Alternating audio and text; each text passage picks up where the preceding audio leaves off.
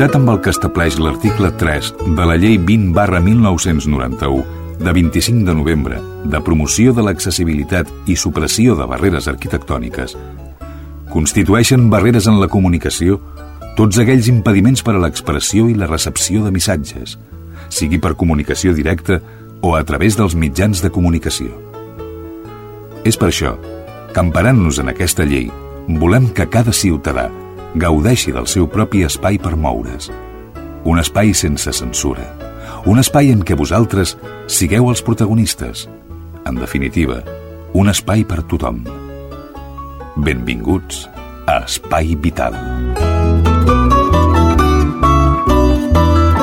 L'espai vital que retorna a la vostra sintonia, a la sintonia de les ràdios municipals que participen en aquesta iniciativa, que coprodueixen aquest programa. Això és Ripollet Ràdio, Cerdanyola Ràdio, Montcada Ràdio, Ràdio Barberà, Ràdio Santa Perpètua i Ràdio Sabadell. Primer programa de l'any 2010 i som amb moltes ganes, hem menjat molts torrons, hem menjat molts dolços, hem begut potser una mica de tot i potser massa, això depèn de cadascú, això va per consciències i avui el que farem, d'entre d'altres coses, serà una mica purgar, purgar tot això que hem menjat de més. Però abans, abans de passar a repassar els continguts del dia, el que faré serà presentar-vos l'equip habitual, l'equip de guàrdia. El tenim aquí fidel, fidel perquè són part indissociable d'aquest espai vital. Teresa Diviu, cuinera adaptada, bon dia i bon, bon any, eh? Bon dia a tothom i, i bons, bones festes si han passat i que es preparin que encara en venen més. Molt bé. Les festes que no faltin, eh? que sempre són bones. Sí, sí que va bé, perquè reuneix la família i sempre va bé les festes. D'acord. Tenim el nostre cercador, Alfredo Ángel Cano. Bon dia. Hola, bon dia. L'Alfredo Ángel, que després li preguntarem com ha anat això de les festes, si ha menjat molt, ha menjat poc, conseqüències, eh, però una pregunta. T'han portat regals als Reis? Perquè bondat, bondat, no sé jo si n'has fet molta. Sí, sí, m'han portat, m'han portat. Molt bé. Tenim, com sempre, el guiatge tècnic d'aquest programa fent una feina imprescindible perquè l'Espai Vital arribi a les vostres ràdios, doncs el Jordi Puy, que sabem que ha fet bondat també, i alguna coseta, alguna coseta li ha cagat el tió, el Pare Noel, els Reis, perquè el Jordi és una persona que li agrada tocar tots els pals. Bé, en definitiva, això és l'equip de l'Espai Vital, juntament amb qui us parla, Jordi Jorba, com sempre inspirats per el fundador d'aquest espai, que és en Xavi Cases. Quins continguts tindrem avui? Doncs els repassem tot de seguit.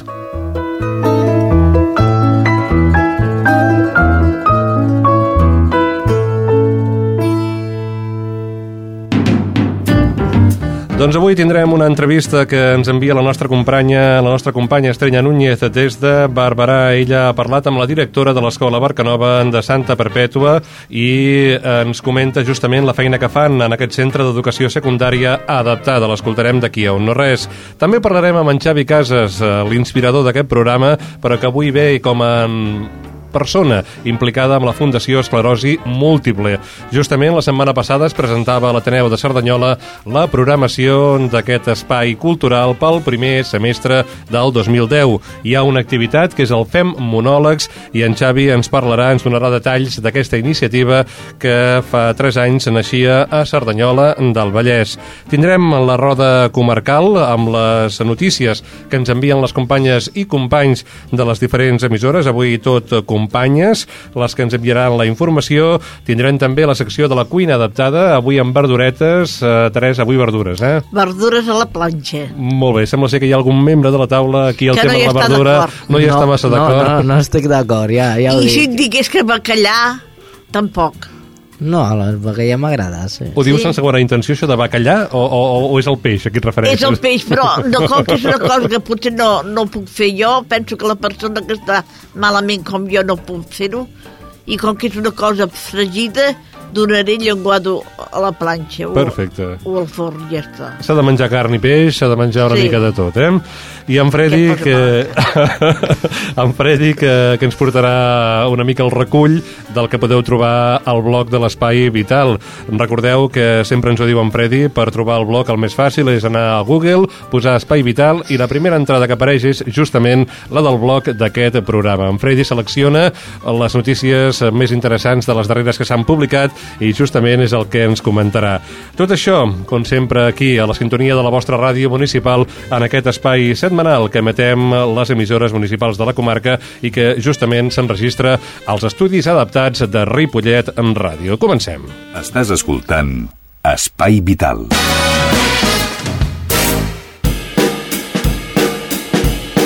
I el primer dels temes del dia és justament l'entrevista que la nostra companya Estrella Núñez ens envia des de Santa Perpètua de Mogoda, una entrevista amb la directora de l'escola Barcanova d'aquesta localitat. La directora és la Rosa Ferrer.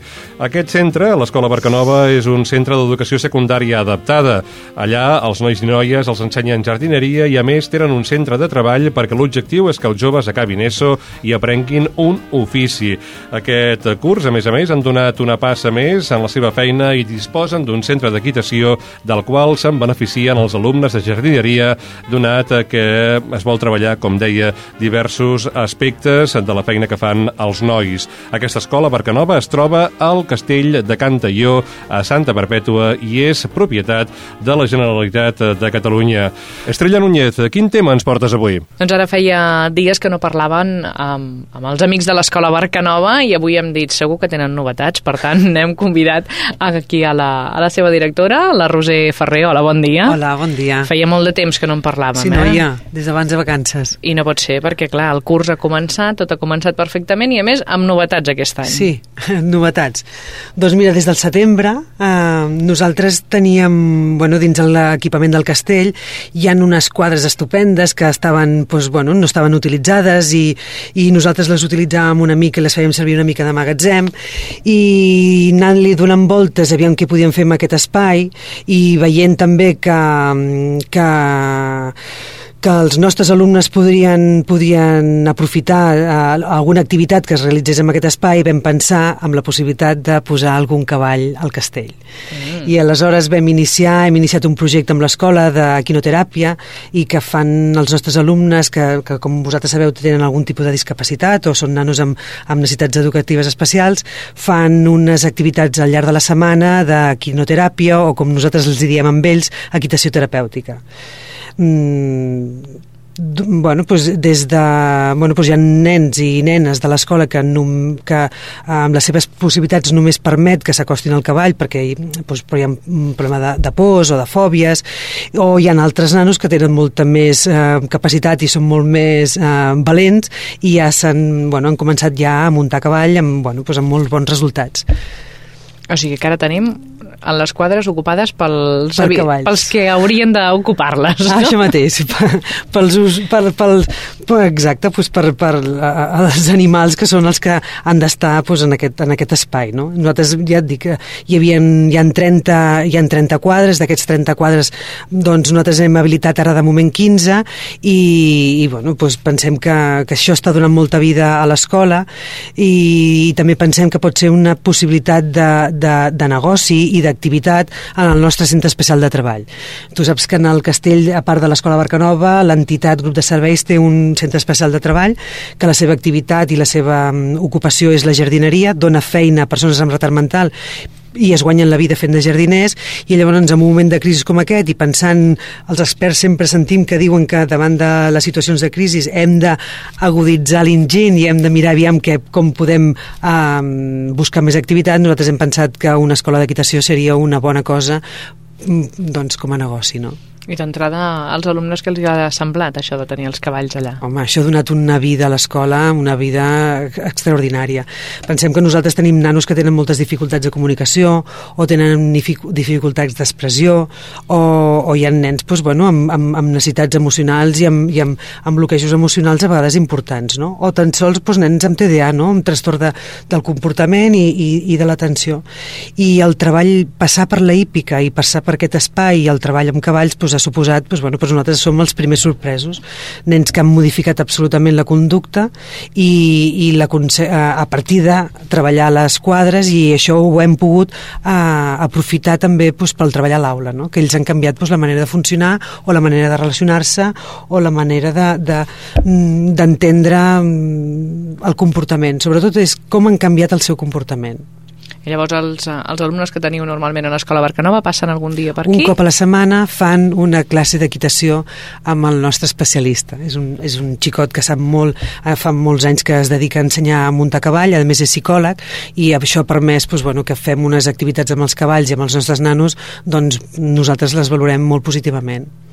I home, ja que tenim novament cavalls i quadres aquí al Castell de Cantalló, suposo que no seran només els alumnes els que podran gaudir-ne, no? Això, aviam, per un cantó teníem el tema de l'escola, que és el, que, el, el principal eh, motiu per nosaltres posar cavalls, i després pensem que aquesta hípica pot estar gestionada pel Centre Especial de Treball. La idea seria que, els, que les persones amb retard mental que, que ara estan fent de jardiners, doncs, si en un moment donat no hi ha feina de jardineria o hi ha poca feina de jardineria, puguin estar eh, ocupats i sobretot guanyant-se el sou, mantenir aquell lloc de treball amb amb l'espai de la hípica. La gràcia seria que acabés, la, la hípica fos, acabés funcionant eh, i gestionant a partir del Centre Especial de Treball. Això seria estupendo. Després tenim un projecte nou amb el Departament d'Educació, que és de cara al setembre. Aviam, nosaltres els hi vam plantejar la possibilitat de fer un PQPI, que és un programa de qualificació professional, i nosaltres el tenim autoritzat des de feia temps i ara teníem moltes ganes de posar-lo en funcionament a partir del setembre de l'any que ve, del curs vinent, i aquest mm, PQPI, eh, l'activitat professional que nosaltres el faríem com a, com a formació, seria la de mosso de quadre. És a dir, que allò ens tan- tancaríem el cercle.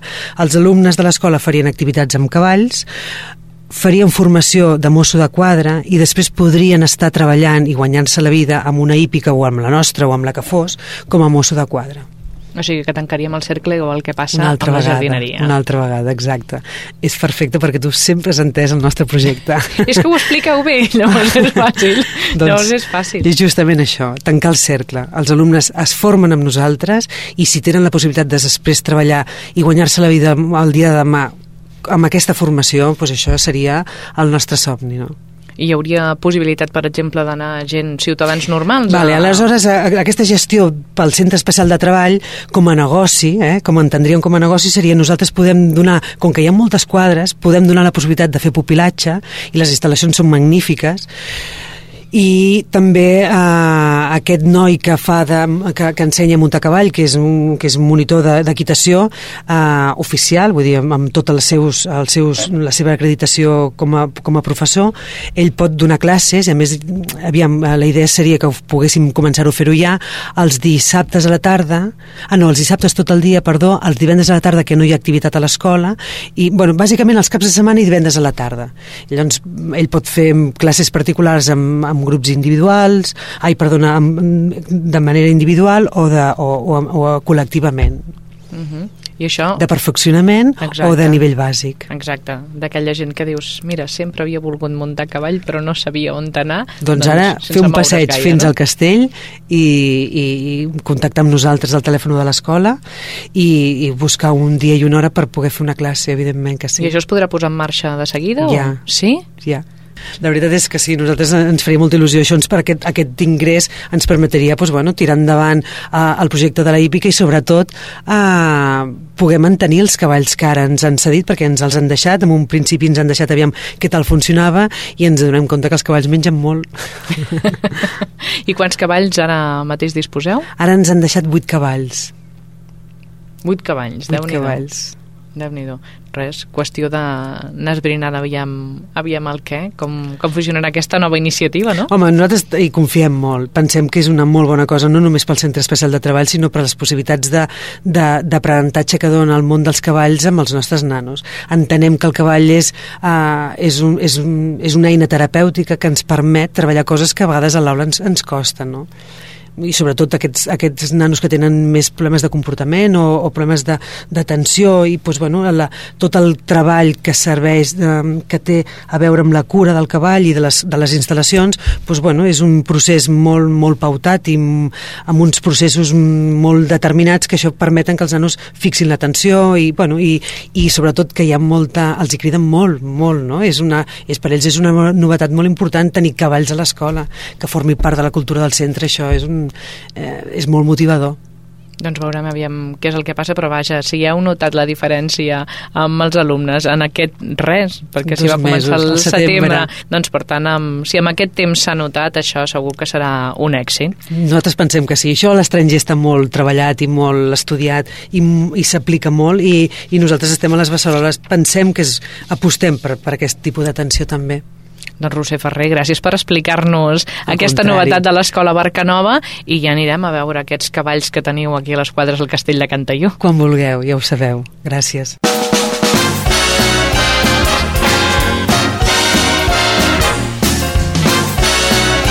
Espai Vital, el primer programa adaptat de les zones.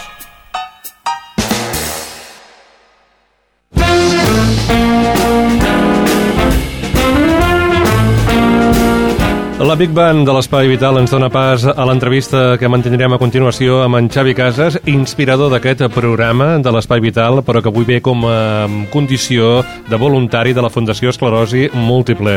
Xavi, benvingut a la ràdio. Hola, gràcies. Saps que sempre és un ple poder venir i tornar a la ràdio i treballar amb tu, ja ho saps. I és un plaer escoltar-te. Ara ens hem fet ja el massatge mútuament i anem al tema que ens pertoca, que és justament una activitat que organitza la Fundació Esclerosi Múltiple, en concret el voluntariat d'aquesta entitat a Cerdanyola del Vallès, una activitat que es farà el proper mes de febrer a l'Ateneu de Cerdanyola. En concret, aquesta activitat és el Fem Monòlegs, una iniciativa nascuda perquè la gent de l'espectacle ajudin a la Fundació Esclerosi Múltiple. Serà el dia 5 de febrer a les 9 del vespre al Teatre de l'Ateneu i seran monòlegs a càrrec de gent semiprofessional o professional perquè a més a més també intervindrà en Dani Pérez que és un home que s'hi dedica al tema dels monòlegs. Eh, Xavi, més o menys és això? És una iniciativa del món de la faràndula per ajudar a la Fundació Esclerosi Múltiple? Sí, senyor. sí, senyor. És per ajudar a recaptar fons eh, per l'esclerosi múltiple, intentar trobar alguna cosa per guarir aquesta malaltia. Et volia rectificar perquè al començament del programa has dit que mm, era la tercera edició, volia dir que era eh, que feia 3 anys. No, això fa 6 anys que va començar. El que passa és que eh, els certàmens els anem fent cada dos anys perquè no es faci gaire pesat. Bé, Si no us acostumaríeu massa, eh? Mhm. us acostumaríeu a, al bon humor del fem monòlegs i, i al final no vindríeu. molt bé. Feta la ratificació, o sigui, tercera edició d'una activitat bianual. Ah, efectivament. Això mateix. Sí, senyor. Eh, la iniciativa, com dèiem, doncs, eh, comptarà amb la participació de gent de Cerdanyola, gent de Ripollet Mhm. i el Dani Pérez també, gent de Terrassa, perquè Sí. Mhm. justament ve Antoni Garcia, ve l'Albert Castro, l'Ànscar, va necessitar la del Tigre, el Felip Lorenzo i el showman Dani Pérez. Eh, Xavi, tu que has muntat aquesta activitat, t'ha costat molt convèncer aquesta gent? Ha estat fàcil? Doncs la veritat és que molt fàcil. Eh, són gent que ja ho han provat, ja han estat fent monòlegs, vull dir, no és el primer cop que venen eh, ni l'Albert Castro, ni el Toni de Terrassa, ni la Vanesita, ni el, el Tomàs, eh, vull dir, tots. Tots els que venen han vingut algun cop. El que passa és que anem fent tria, això és com un càsting. Van venint i, i van provant, i si estan a gust, es volen quedar i et demanen poder venir a l'any següent. Llavors, el nostre director artístic del festival, del certamen, que és el Carlos Soler, que és el professor de teatre de l'Ateneu, eh, fa una tria, una tria molt ben buscada perquè eh, quan es faci l'espectacle quedin sempre els millors.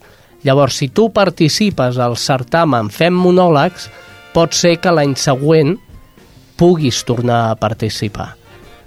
No els, do, els dos anys següents. Ah, bueno, han de passar Vull dos anys, a la següent edició. La següent, la següent edició puguis participar. Aquest any hem millorat. Eh, si us hi fixeu, l'any pa, eh, fa dos anys el Fem Monòlegs es feia al bar de l'Ateneu de Cerdanyola. Ara hem pujat de categoria.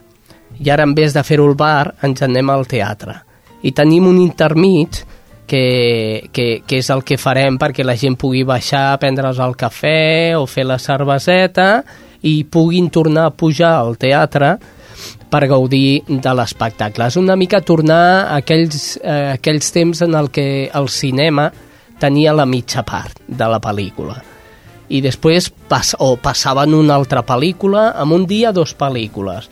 Tant com tu com jo, pues som una mica més vells que el Freddy, eh, ho, hem, Pel·lícula, Jo que tu... ho, hem, ho hem viscut. Xavi.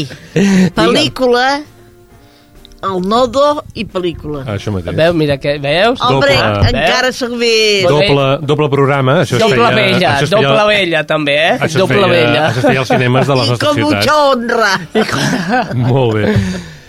Com deia el Xavi, la novetat d'enguany d'aquesta tercera edició del Fem Monòlegs és que mm, no es farà al bar de l'Ateneu, sinó que es farà al pis superior, que és on hi ha el teatre. Eh, L'espectacle té, previst, eh, té prevista una durada de dues hores i mitja, hi haurà un descans, perquè la gent, si vol, doncs, eh, prengui un cafè, faci petar la xerrada, És que, prengui pensa, el que és que pensa que avui en dia les bufetes d'avui en dia no són les bufetes d'aquell temps, eh? Xavi, no anem bé per aquesta banda. A veure, el preu de l'entrada serà de 10 euros. Hi ha uns diners previstos per l'entrada que aniran tots, si no m'erro, justament a la, adreçats a, o als fons de la Fundació Esclerosi Múltiple. La idea és que aquests diners serveixin per programes d'investigació, per ajudar els centres de dia de la Fundació, una mica fornir d'energia eh, una entitat que treballa molt per la gent que pateix aquesta malaltia, Xavi.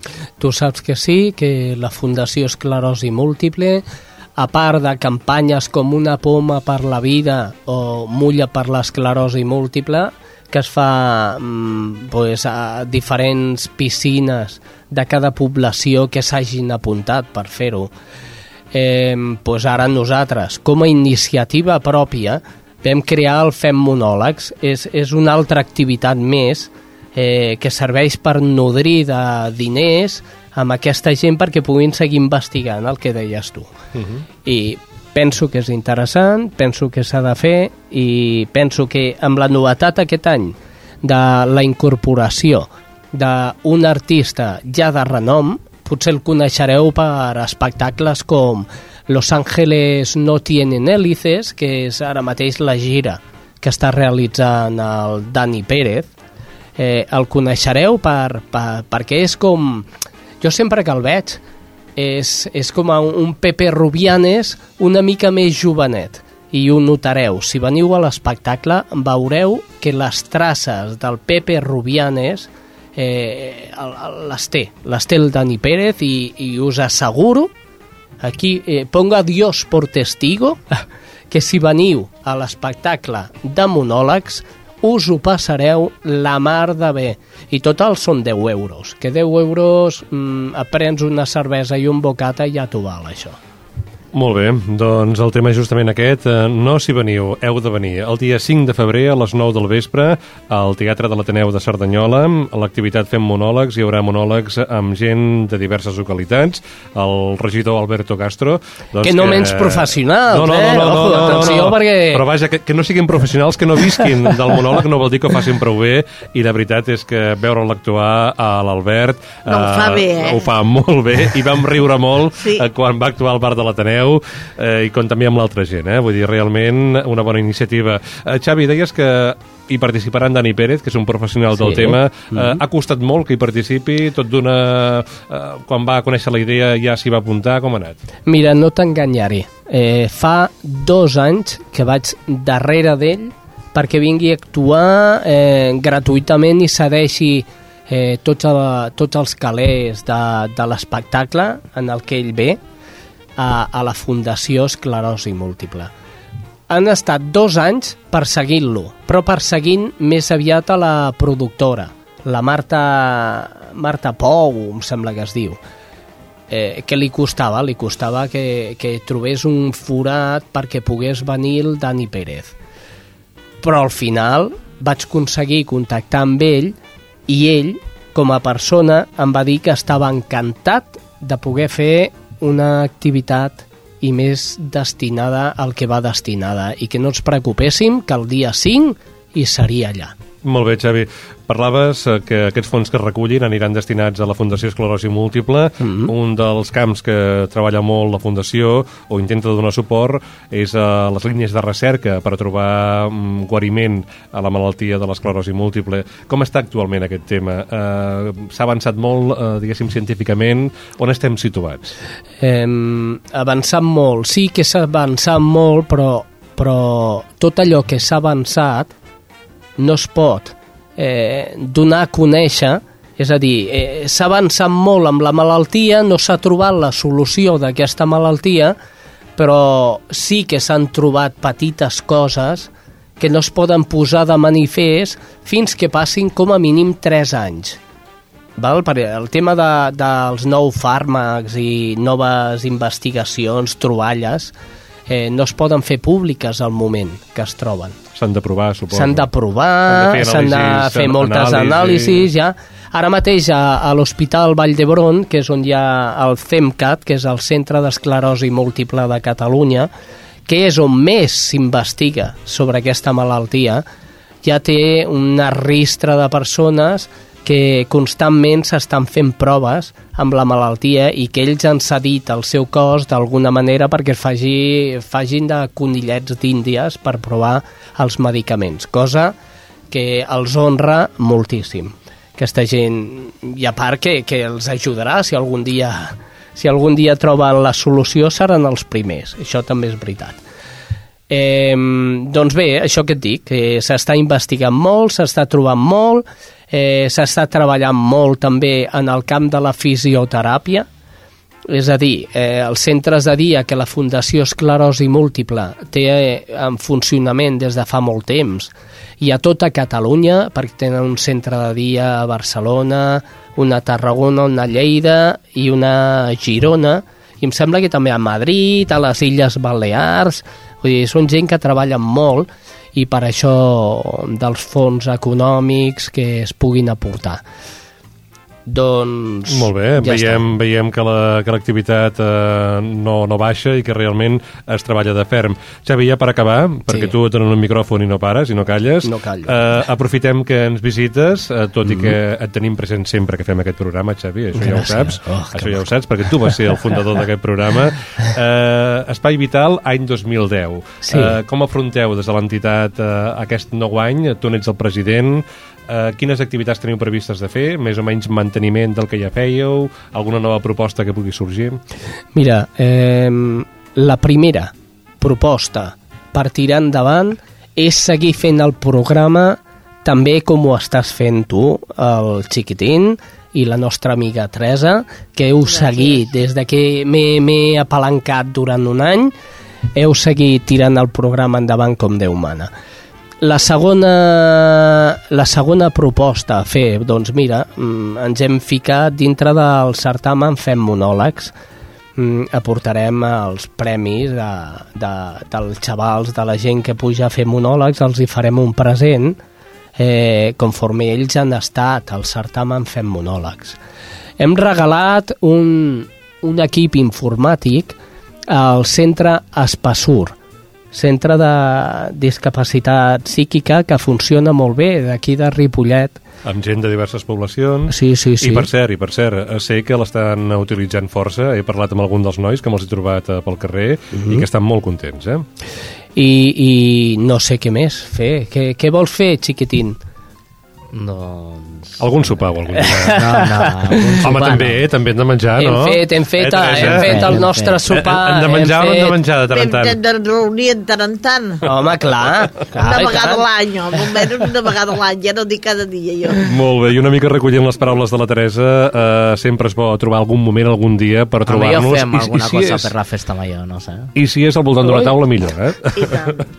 Molt bé, doncs, Xavi, moltes gràcies eh, per visitar-nos avui, per portar-nos l'alegria que portes dins del cor. Només faltaria. I res, ja ho sabeu, el divendres dia 5 de febrer a les 9 del vespre el Fem Monòlegs, una activitat eh, solidària, activitat... Eh, al temps, doncs, per riure molt. Eh, la Sí. vida rient és molt més agradable. No us ho prengueu com una obligació, el fet d'anar. És a dir, eh, a la que entreu notareu que no hi ha cap cosa diferent. És a dir, és un espectacle per riure. Molt bé. I I- participaran monologuistes com Benesita la del Tigre, l'Albert Castro, l'Ànscar, el Toni Garcia, el Felip Lorenzo i el showman Dani Pérez. L'entrada només 10 euros, eh, venda anticipada, si voleu ja comprar a la vostra localitat, a l'Ateneu de Cerdanyola, al carrer de la Indústria 3840 a Cerdanyola del Vallès.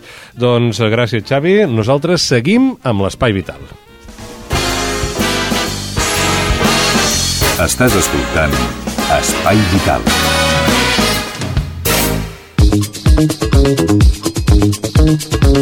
Sintonia en marxa, sintonia d'anar a fer una volta per la comarca del Vallès Occidental, si més no per aquelles localitats, aquelles ràdios que participen i fan possible l'espai vital. Avui comencem des del lloc on enregistrem aquest programa, això és en Ripollet Ràdio. La Reme Herrera, companya dels serveis informatius d'aquesta estació radiofònica, ens explica quin serà el calendari de donacions de sang en aquesta localitat. Salutacions des de Ripollet i bon any a tothom. El Banc de Sang i Teixits ha editat un calendari de donacions de sang per al 2010. El calendari té assenyalats els dies i les hores per poder donar sang al Centre Cultural. En total es faran 14 jornades de donació, la primera d'elles el proper 30 de gener en horari de matí i tarda. El recordem que pot donar sang qualsevol persona sana entre 18 i 65 anys que pesi més de 50 quilos. Es recomana que les dones donin sang un màxim de 3 vegades l'any i els homes un màxim de 4, sempre respectant que entre donació i donació ha de passar un mínim de dos mesos. A diferència del que passa quan es fa una anàlisi de sang, quan fem una donació no cal estar en dejú i fins i tot és recomanable haver fet un àpat normal. Per a més informació poden consultar la web bancsang.net. El calendari el poden trobar al portal municipal ripollet.cat. Fins la setmana vinent. Saltem de Ripollet cap a Cerdanyola. A Cerdanyola Ràdio ens espera Rosa Morante i ens parla de la inauguració la setmana passada d'un nou CAP, el CAP de la Farigola, que atén principalment gent de Cerdanyola, però també de Ripollet. Endavant, Rosa. Salutacions, Espai Vital des de Cerdanyola Ràdio. La consellera de Salut, Marina Geli, ha inaugurat oficialment el CAP de la Farigola, ha obert el mes de juliol i que atén una població de 12.500 persones de Cerdanyola i Ripollet. L'ambulatori, amb una inversió de prop d'un milió 700.000 euros, ofereix serveis de medicina familiar i atenció pediàtrica, educació sanitària i atenció comunitària i també odontologia, treball social i a la salut sexual i reproductiva. Marina Geli destaca que el nou centre suposa una aposta per la proximitat i la construcció de la salut des de la comunitat i per això demana la complicitat ciutadana. La consellera remarca que l'ambulatori s'ubica en un barri format per gent treballadora que ha patit molt amb la presència de l'amiant de l'antiga fàbrica d'Uralita. Geli manifesta que la dignificació del territori que suposa el nou equipament és un homenatge a la vida d'aquestes persones. En aquest sentit, l'alcaldessa de Cerdanyola, Carme Carmona, afirma que el centre és positiu per a tota la ciutat i per al barri on cal impulsar noves millores en qüestions com el transport públic, l'accés en aquesta zona o la seva integració en el conjunt de la ciutat. Les autoritats sanitàries afirmen que el centre, amb una superfície de 1.099 metres quadrats, permet incorporar més professionals per descongestionar la resta d'ambulatoris de Cerdanyola i Ripollet. En aquest sentit, Geli destaca l'augment de dos a tres àrees bàsiques de salut a la nostra ciutat i afirma que la polèmica sorgida a l'estiu va ser compartint amb els veïns l'objectiu de millorar la qualitat del servei sanitari. Recordem que l'obertura del centre al mes de juliol comportava una polèmica reorganització sanitària amb una forta oposició veïnal perquè s'anunciava el tancament de l'ambulatori del barri de Fontetes, on quedaria un punt d'atenció reduït. Les mobilitzacions han aconseguit que es pregunti als veïns si volen mantenir la seva atenció a Fontetes i d'aquesta manera poder reassignar el personal facultatiu que atendrà el centre. La consellera espera que la polèmica desaparegui després del procés de negociació. Segons Marina Geli, els usuaris que es visitaran a Fontetes seran tots els que es volen quedar, 1.800, però manifesta l'objectiu de seguir treballant amb comú acord amb veïns i ajuntaments. Per la seva banda, un dels representants veïnals, Francisco Paz, manifesta, però, que tot i els avenços, al centre de Fontetes es mantenen llistes d'espera inadmissibles. Marina Geli indica que aquest centre forma part de la millora de l'atenció sanitària a la comarca que comporta una inversió superior als 200 milions d'euros en 10 anys i fins al 2015. Dins d'aquestes millores, la consellera manifesta que també s'està reformant el CAP 2, on destaca que els especialistes que fan atenció contínua estan lligats a l'hospital de referència actual. I pel que fa a l'Hospital Ernest Lluc, la consellera de Salut indica que l'avantprojecte pràcticament està enllestit i es podrà iniciar la seva construcció l'any 2011. L'alcalde de Ripollet, Juan Parralejo, ha fet un balanç positiu de la relació de Geli amb els ajuntaments i ha demanat mantenir les actuacions del dia a dia sense deixar de planificar el futur. Per la seva banda, la directora del CAP de la Farigola, Núria Balaguer, ha remarcat l'objectiu d'actuar amb agilitat, eficàcia i qualitat en el nou centre sanitari de la ciutat. I això és tot per avui des de Cerdanyola Ràdio. La crònica mm, una mica extensa però necessària de Cerdanyola Ràdio parlant de la inauguració d'aquest CAP, el CAP eh, de la Farigola que tindrà gent de Cerdanyola i Ripollet. Saltem cap a Montcada, a Montcada Ràdio, la Sílvia Díez, una habitual de l'Espai Vital, ens explica que l'Ajuntament d'aquesta localitat vol millorar els serveis de serveis socials, valgui la redundància, adreçats a la població. Hola, bon any i salutacions de nou des de Montcada, a l'Espai Vital. Els serveis socials al nostre municipi comencen el 2010 amb un pla d'actuació local aprovat per ple, un projecte que té per objectiu millorar les prestacions en aquest àmbit que es donen a Montcada. Aquest document, que ha comptat en la seva elaboració amb l'assessorament del Departament d'Acció Social i Ciutadania de la Generalitat, fa una diagnosi dels punts forts i de les febleses de l'actual funcionament dels serveis socials i recull una vintena d'accions per tal de millorar-los. El projecte, per exemple, proposa instaurar un sistema més eficient de recollida i gestió de reclamacions i suggeriments, crear un protocol d'atenció a les situacions d'urgència, ampliar les atencions preventives per a la infància i l'adolescència, engegar un sistema de formació per als professionals i també revisar el sistema de coordinació dels serveis socials bàsics amb altres sistemes vinculats a benestar social. També es proposa crear un Consell Local de Serveis Socials. El pla també estudia la possibilitat d'habilitar una nova seu del departament que substitueixi les dues que existeixen a hores d'ara al carrer Doctor Buixó, al centre del municipi. Segons la regidora de Serveis Socials, Mari Carmen González, el pla és una bona eina de treball per saber en quin punt es troba Montcada pel que fa a l'atenció a les persones, a través del qual es podran millorar i ampliar les prestacions als usuaris. Doncs bé, res més, això és tot per avui. Fins la setmana vinent. Anem cap a Barberà del Vallès. Judit González, companya dels serveis informatius d'aquesta estació radiofònica, ens explica que l'Ajuntament barberenc vol millorar i promoure la participació de la gent gran. Salutacions des de Ràdio Barberà, una vegada més amb l'objectiu de promoure la participació del col·lectiu de la gent gran al municipi, la regidoria de gent gran de Barberà del Vallès organitza un seguit d'activitats i tallers durant els mesos de febrer a maig de 2010. I una vegada més, la regidoria ha pensat en la salut dels més grans de la nostra ciutat i per aquest motiu ofereix dins el programa un bloc dedicat exclusivament a activitats físiques i saludables. Enguany, els assistents podran optar entre quatre tallers. El de gimnàstica, un taller per millorar la flexibilitat, la coordinació i el to muscular. El taller de Qigong, on es treballaran exercicis suaus que permetran regular el cos, la respiració i la ment per millorar la salut i cultivar l'esperit. Sessions de moviment conscient i relaxació, on mitjançant la respiració, la relaxació i els estiraments suaus i senzills de les cadenes musculars s'alliberaran les tensions, s'ensenyarà a evitar lesions i es recuperarà la mobilitat natural del cos. I finalment, el circuit de salut, on es duran a terme passejades d'intensitat mitjana. Aquesta, però, és una activitat pensada per a aquelles persones que ja fan algun exercici físic.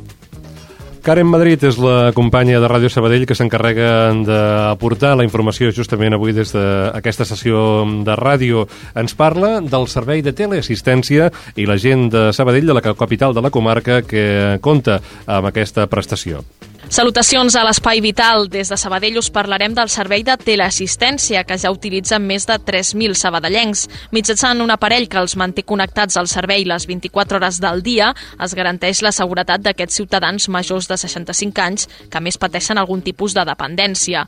El president de la Diputació de Barcelona, Antoni Foguer, explica les funcions del servei de teleassistència cofinançat per l'Ajuntament i per l'Inserso. Dona la seguretat, la confiança, la companyia a una persona d'aquestes edats i amb la seva autonomia reduïda de saber que pot viure i pot estar a casa seva perquè disposa d'un servei 24 hores del dia, 365 dies a l'any, que li permet, o bé trucant per telèfon o prement un botó, disposar de, a l'altra banda, una línia algú que està disposat per atendre aquella necessitat. A la demarcació de Barcelona, prop de 100.000 persones utilitzen ja el servei de teleassistència, la meitat de les quals estan concentrades a la mateixa capital catalana. Amb tots, estan cobrint les necessitats del 22% de les persones més grans de 80 anys i del 9% dels majors de 65.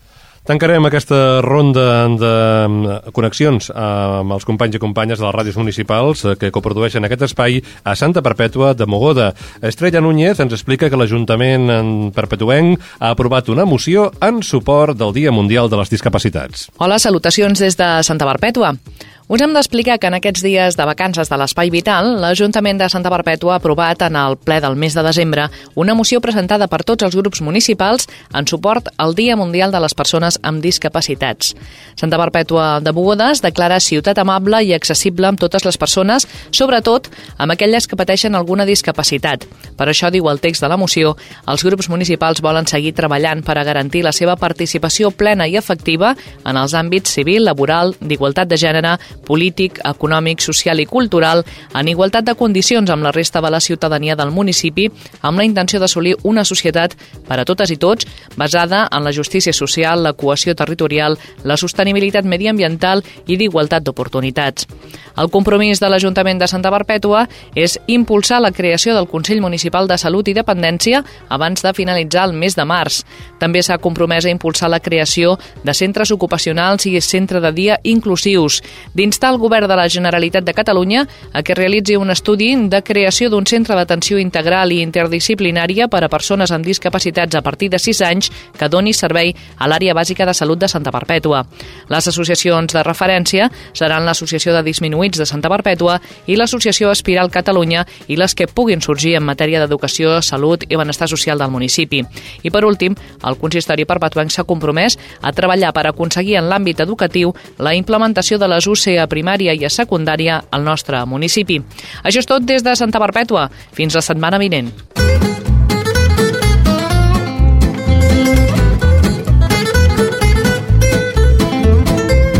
Això és Espai Vital.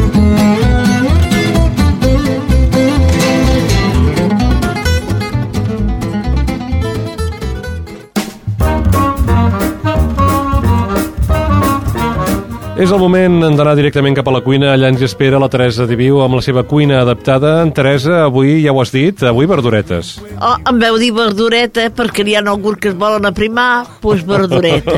Alguns que han de purgar, han de purgar els quilos que han posat, eh? Però saps què passa? També menjar amanides i, i verdures també és una miqueta trist. Però se'ls ha de donar una mica d'alegria, aquestes coses. Farem, Oh, ja sé, quin tipus d'alegria. doncs pues mira, una petxuga de pollastre a la planxa.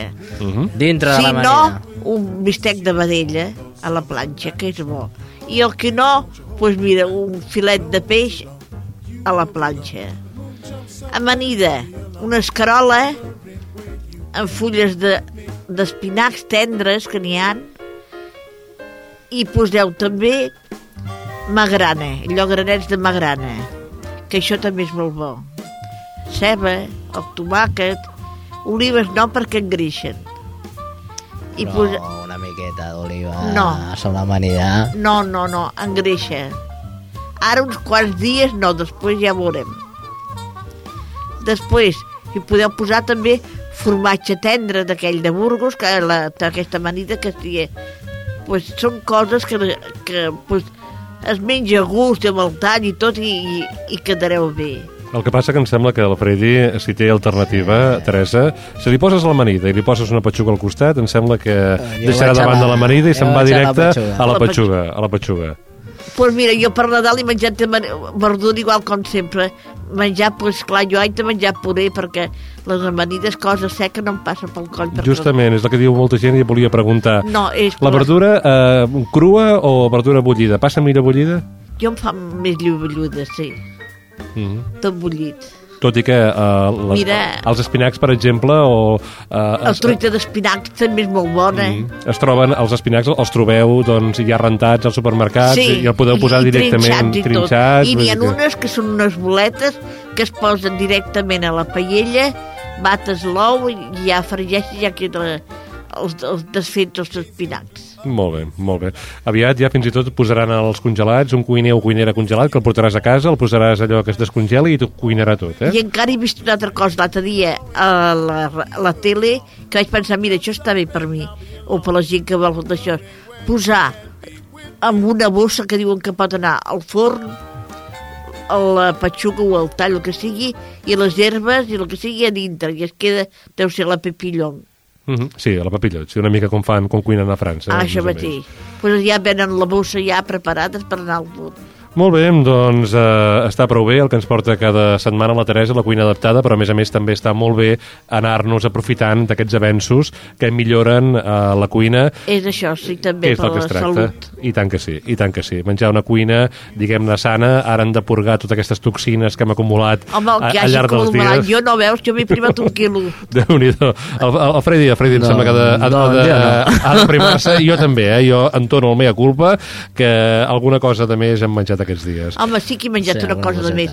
Vaig menjar un caneló un dia, Un caneló, Déu-n'hi-do, déu nhi déu i altre dia un tros de torró, d'aquells cremats, un trosset d'aquest, d'un centímetre. déu nhi Però segur que en l'apertura que has menjat ho has purgat tot i de sobres, eh? Oh, sí, clar. Molt bé. Doncs gràcies, Teresa. La Teresa que ens porta cada setmana a la cuina adaptada. Nosaltres saltem directament cap al cercador. En Freddy, que s'encarrega justament de trobar aquelles notícies més destacades, al seu entendre, doncs, que ha publicat el blog d'Espai Vital. Freddy, quan vulguis. Wow. Adif y Renfe instalarán centros de atención a viajeros con discapacidad. Adif y Renfe habilitarán 70 71 centros de atención a viajeros con discapacidad en las principales estaciones del tren del país a lo largo del 2010, con el fin de, reforzar el servicio integral que ya presta a este colectivo de viajeros.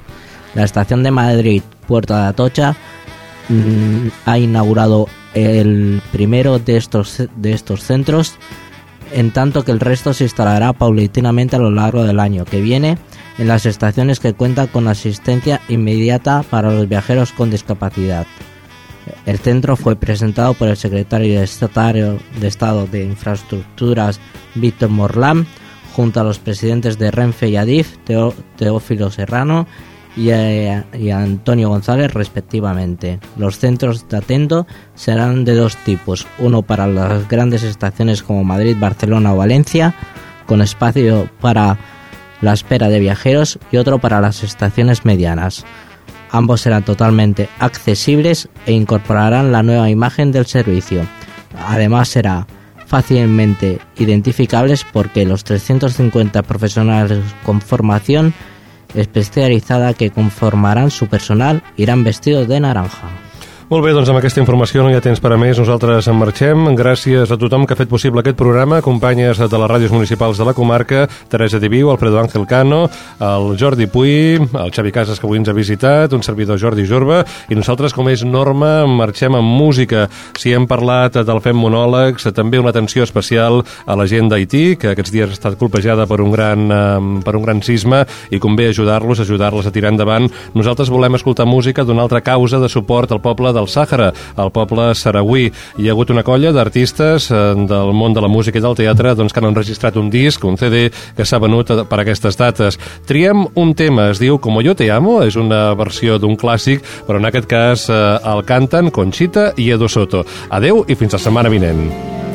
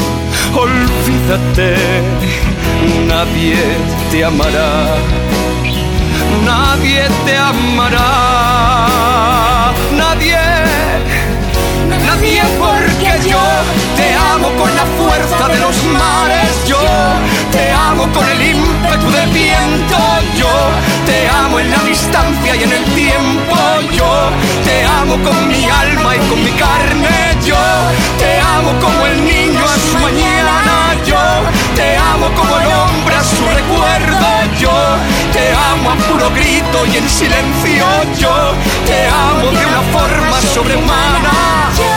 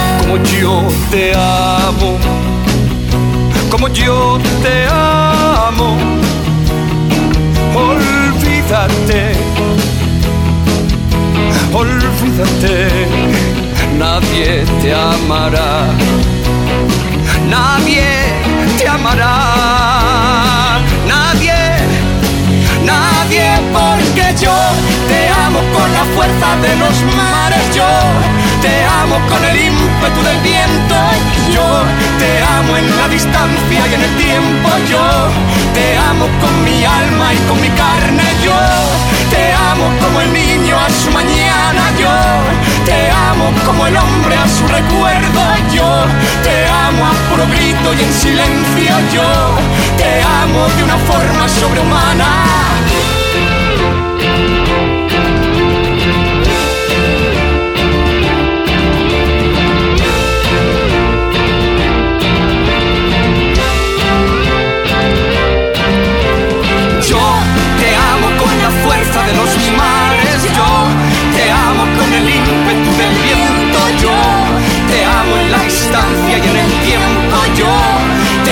con mi alma y con mi carne. Yo te amo como el niño a su mañana. Yo te amo como el hombre a su recuerdo. Yo te amo a puro grito y en silencio. Yo te amo de una forma sobrehumana. Yo te amo en la alegría y en el llanto. Yo te amo en el peligro y en la calma. Yo te amo cuando gritas, cuando callas. Yo te amo tanto, yo te amo tanto.